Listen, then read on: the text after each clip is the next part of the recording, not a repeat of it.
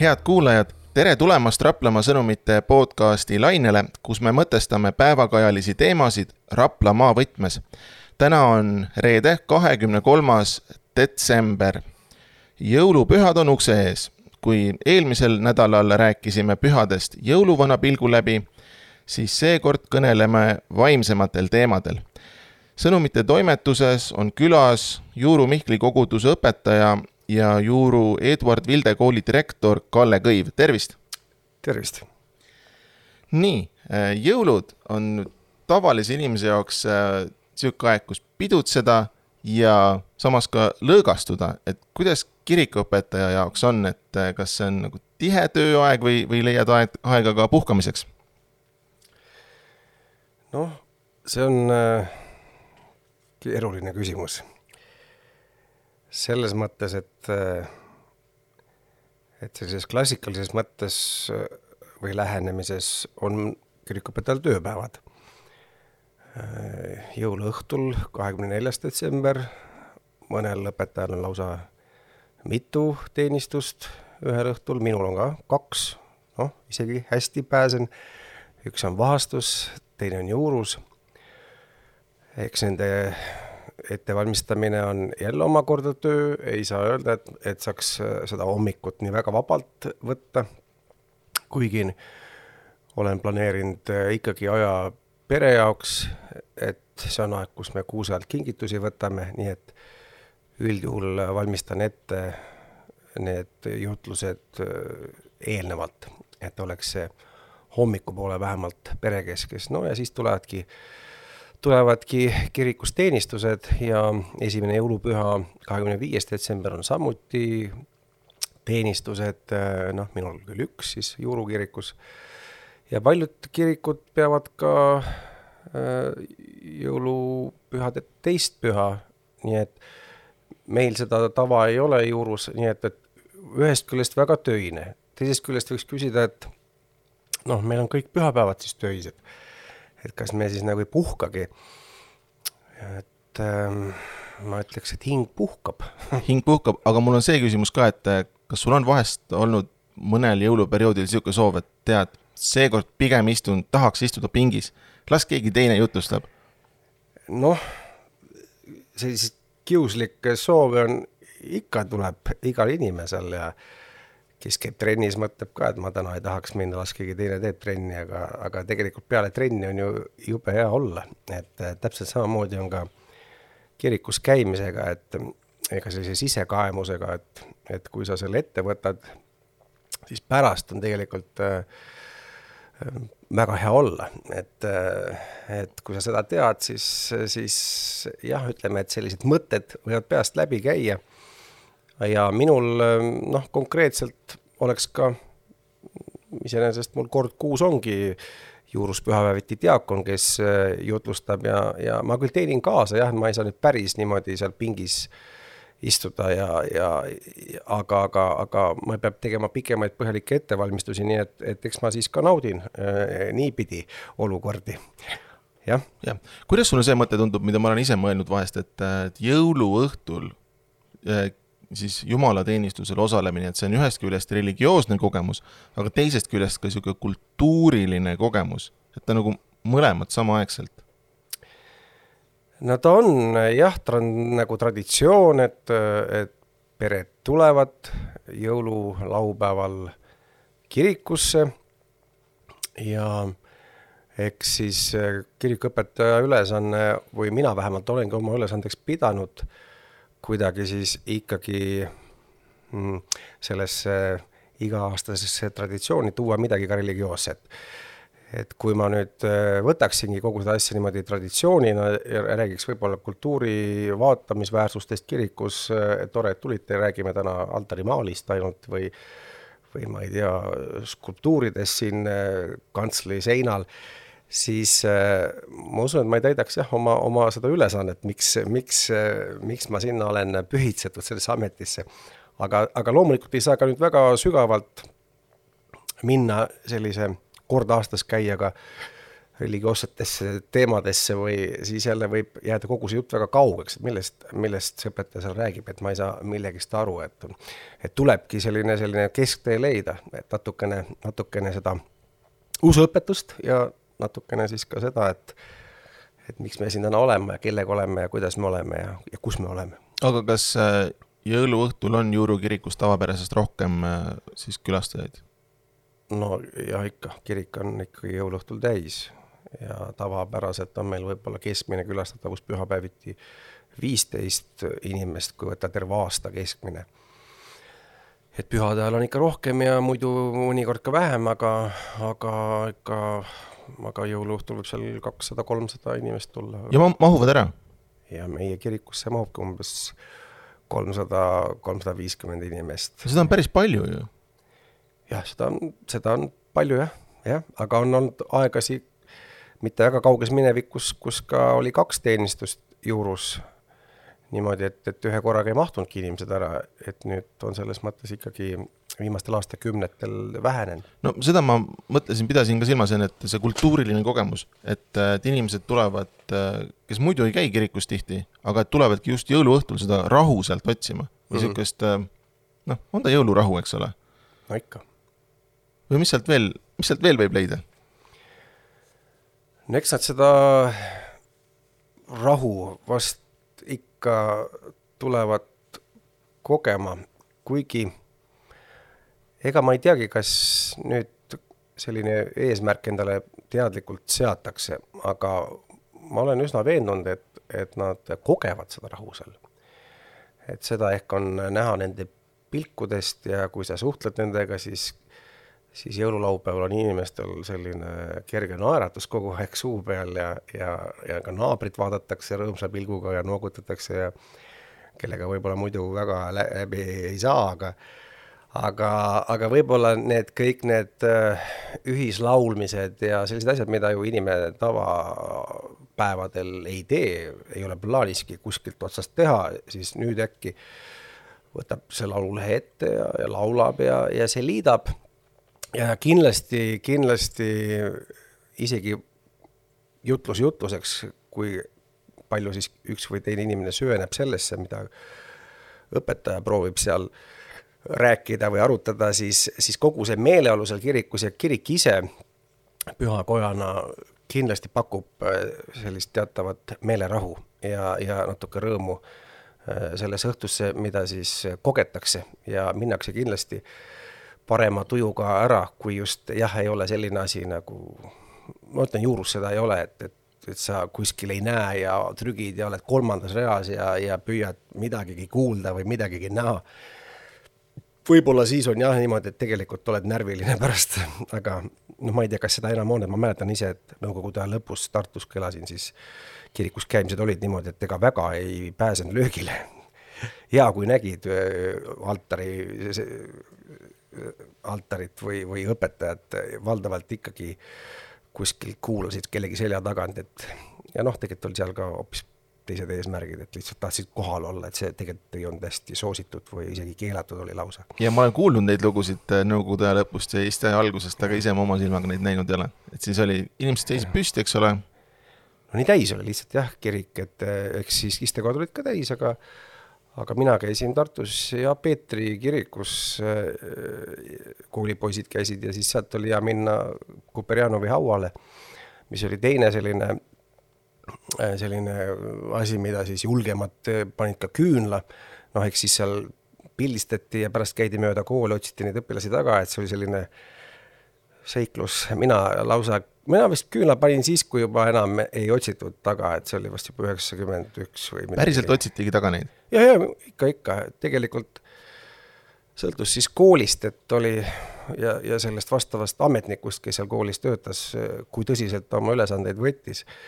Et võib-olla meie koolis, ma ei tea, ma ei oska tegelikult niimoodi öelda, et aga jah, et olid lausa äh, kooli, noh, ühesõnaga need inimesed olid lausa kiriku ukse peal, et, et siis, kui nad tundsid oma kooli õpilase ära, siis nad äh, said äh, kas siis ära saata või noomida või kätt vibutada, aga kui ikkagi läks, siis kir-, nime kirja panna, et noh, pärast siis tegeleme temaga.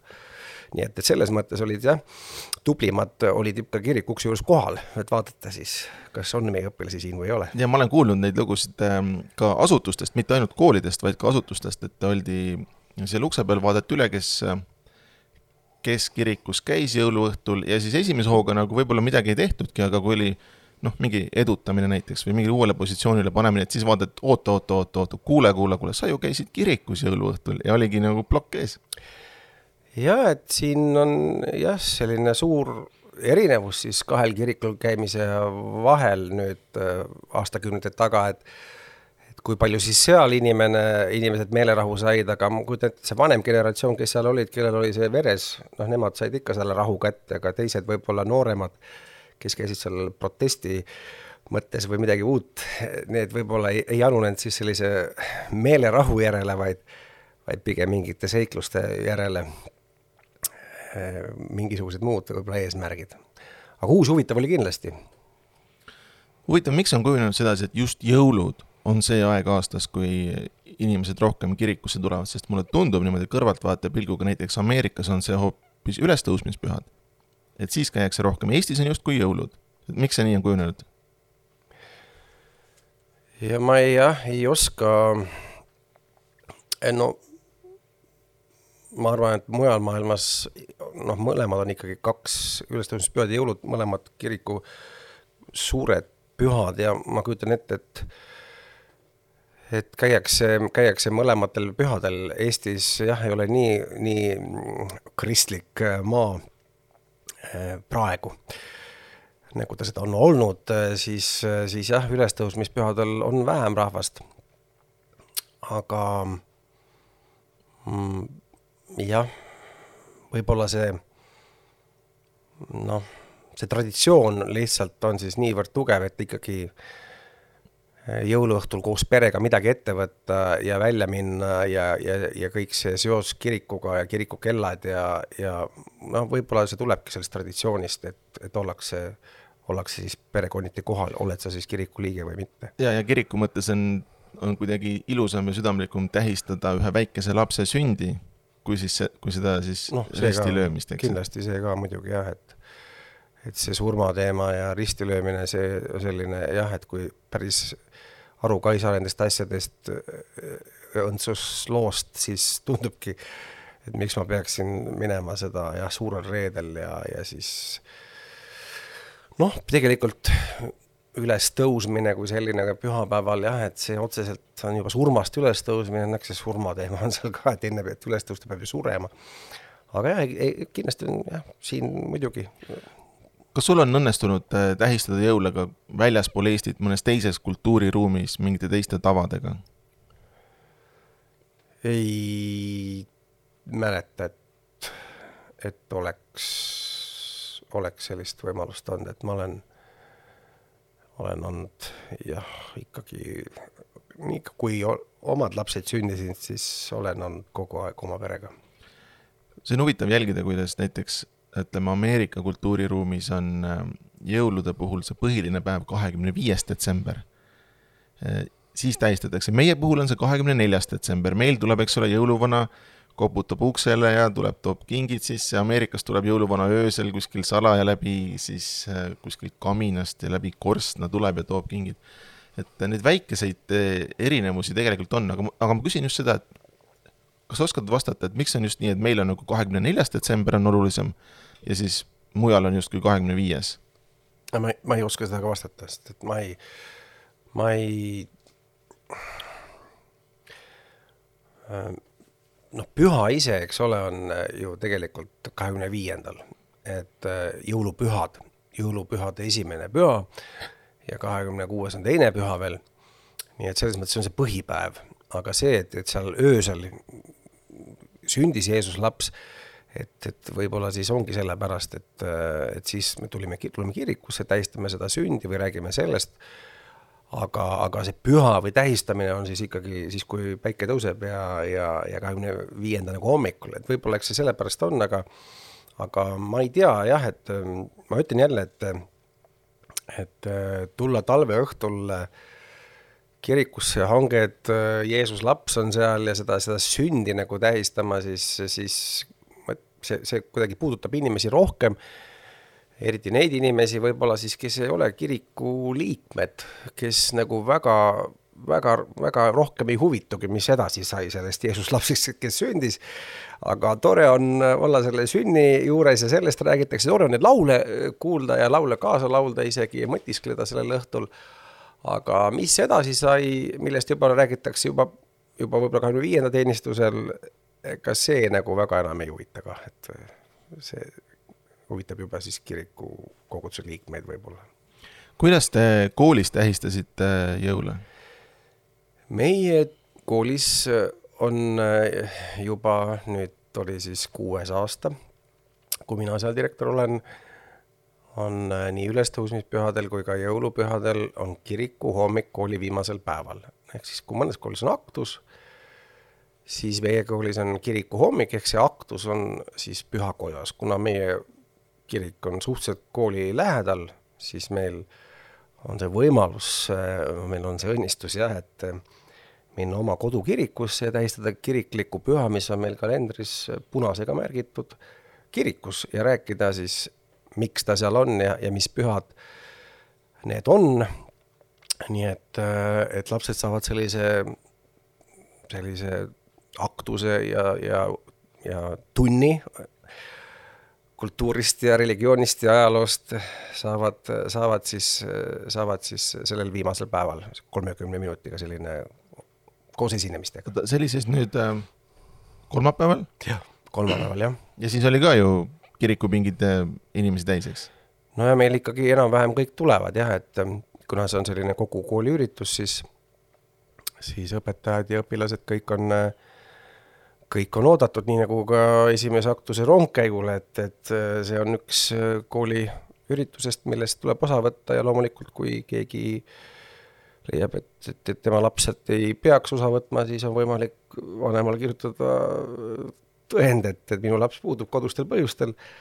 aga minuni selliseid tõendeid pole kuue aasta jooksul ühtegi jõudnud, ütlen ausalt, et mm. Ju siis äh, me vast oskame seda ka niimoodi seal korraldada, et, et, et kellegi usuvabadust ei piirata. aga kas äh, usuõpetus on teil koolis? ei ole, ei ole jah, ja, ja sellise valikainena ei ole ja, ja eks see noh, olles ise vaimulik nagu teistpidi, siis tõenäoliselt ma pean ka olema väga ettevaatlik selliste teemade, teemade arendamisega, et ei tunduks, et ma midagi oma positsiooni ära kasutan. nii et, et kui keegi leiab, et juurukoolis võiks usuõpetust olla, et siis see peaks tulema äh, laste ja lastevanemate poolt need ettepanekud, ehk siis sellise hoolekogu tasandil ja, ja loomulikult mul on hea meel, kui sellised mõtted tulevad, aga kuna, kuna neid ei ole tulnud, siis mina neid ideid sinna ka ei too, et mina leian, et kui me käime kaks korda aastas kogu kooliperega kirikus ja pluss veel siis ajalootunnid mööduvad, kui käsitletakse kristlikku religiooni, siis on võimalik ajalooõpetajal nad tuua kirikusse ja näidata, kus on äh, altar ja, ja kus on kantsel ja, ja, ja nii edasi, et sellest ma arvan, et täiesti piisab. oota, kaks korda? jaa, et ülestõusmispühade ajal samamoodi on meil kirikuhommik. siis on ka vaheaeg ju ja siis jällegi enne vaheaega viimane päev on meil ja oleme teinud seda ka näiteks ka Kohila mõisakooliga ükskord üheskoos seda ülestõusmispüha kiriku hommikut ja, ja võib-olla ka edaspidigi mõnikord teeme üheskoos või üheskoos ka kellegi teisega, et, et, et see on tore, kui neid lapsi on seal veel rohkem. Ja on siis ühislaulud ja esinemised üksteisele, et, et esinemised on ka üks, üks, üks selline osa alati selle nendest kirikuhommikutest, et on huvikooli lapsed mängivad viiulit ja laulavad ja ja, ja, ja see käib ka selle asja juurde, nii et see kõne ei ole seal nüüd see kõige primaarsem. muide, kas sa tead, mis seis on teistes koolides siin Raplamaal usuõpetusega, kas on valikainena seda kuskil? no vot, eh, minu teada ei ole Raplas et mina ise andsin, kui riigigümnaasiumi ei olnud, siis oli kesklinna koolis valikainena usuõpetus, mida mul oli au üks aasta ka anda. aga see võis ollagi kümme aastat tagasi umbes. ja siis see oligi kõik, et mm. peale seda ei, ei tea, et oleks olnud ja nüüd on äh, riigigümnaasium, seal ma tean, et on tulnud küll aruteluks, et kas, seal on hästi palju võimalusi ju õpilastel valida, et kas, kas see, see usu õpetuse või kursus võiks ka olla ja see sõltubki nüüd nendest õpilaste arvust, et kui teatud arv õpilasi täis tuleb, siis siis see võetakse kavasse, ju siis vist äkki ei ole tulnud neid õpilasi täis, aga huvi on olnud igal juhul, et seal on õpilased seda teemat ikkagi lauale toonud. nõnda, kahekümne viiendal detsembril tähistab kogu kristlik maailm Kristuse sündi. nüüd, kui lugeda Uuest Testamendist seda Jeesuse sünni lugu, siis sealt ei tule kuskilt välja, et oleks sündinud just kahekümne viiendal detsembril kuidas sellega siis on, kas ta sündis sel ajal või see on lihtsalt kujunenud traditsiooniks, et me tähistame seda sünnipäeva siin siis kahekümne viiendal detsembril? no ma julgen vastata, et ega sellist täpset ja kindlat vastust sellele vist ikkagi ei ole olemas. et loomulikult on, äh, ollakse skeptilised, et kas ta nüüd täpselt kahekümne viiendal detsembril sündis ja siis on seal ka mingisugused ähm, argumendid välja toodud, et miks ta ei sobi hästi.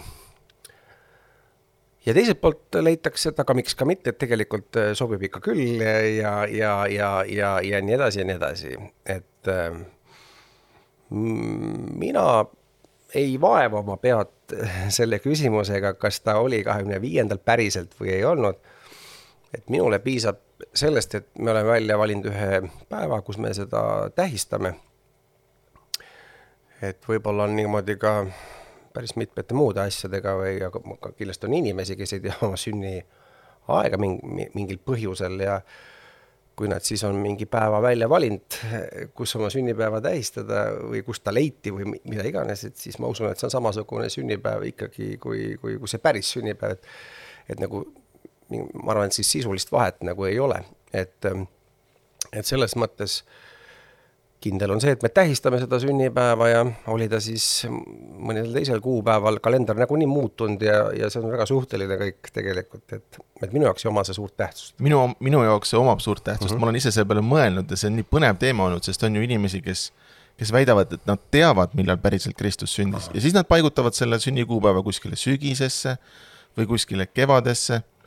aga noh, traditsioon on ikkagi see, et me tähistame, eks ole, noh, tähistamine toimub nii või, nii või naa jõulude ajal ei no ei ta nii või naa ei oleks, kui nüüd tuleks kindlalt teada, et ta ei sündinud äh, jõulude ajal, sest tegelikult piibel, äh, piiblis on ju kirjas, et äh, et Johannes, Johannes sündiski Jeesusest kuus kuud varem. Ja kui me jaanipäeva peame juuni, juuni, kahekümne neljandal juunil, siis no sealt kuus kuud on kahekümne neljas detsember, et, et selles mõttes äh, nüüd on jälle küsimus, kas, kas siis see jaanipäev on nüüd päriselt Jaani sünnipäev? Jälle, et noh, et on ju ka see teadmine levinud, et, et sellised religioossed pühad äh, püüti sätitada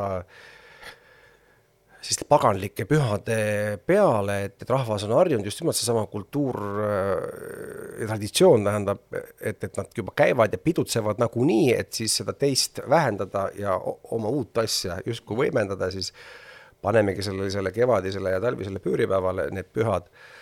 noh, selline, selline teadmine on meil ka olemas ja võimalik, et see ka nii on tehtud, aga ma ütlen veel kord, et et ei saa välistada siiski, et, et nad sündisid niimoodi. no täpselt jah, et no üks kolmesaja kuuekümne viiest või siis üks kolmesaja kuuekümne kuuest, kui nüüd liiga-aastat ka arvestada, on võimalus, et Kristus ikkagi sündis. on võimalus, on võimalus jah minu jaoks on huvitav see, et tegemist pole tegelikult ju ainult paganlike tähtpäevadega, vaid nad on astronoomiliselt äh, olulised äh, kuupäevad, noh eriti see kahekümne neljas, kahekümne viies või noh, see talvine pööripäev, eks ole, see on nagu no. valguse sünd, on ju. no ta, vot ja huvitav on see, et, et ta ei ole ju täpselt kunagi, et, et siiski see pööripäev on ju paar päeva ennem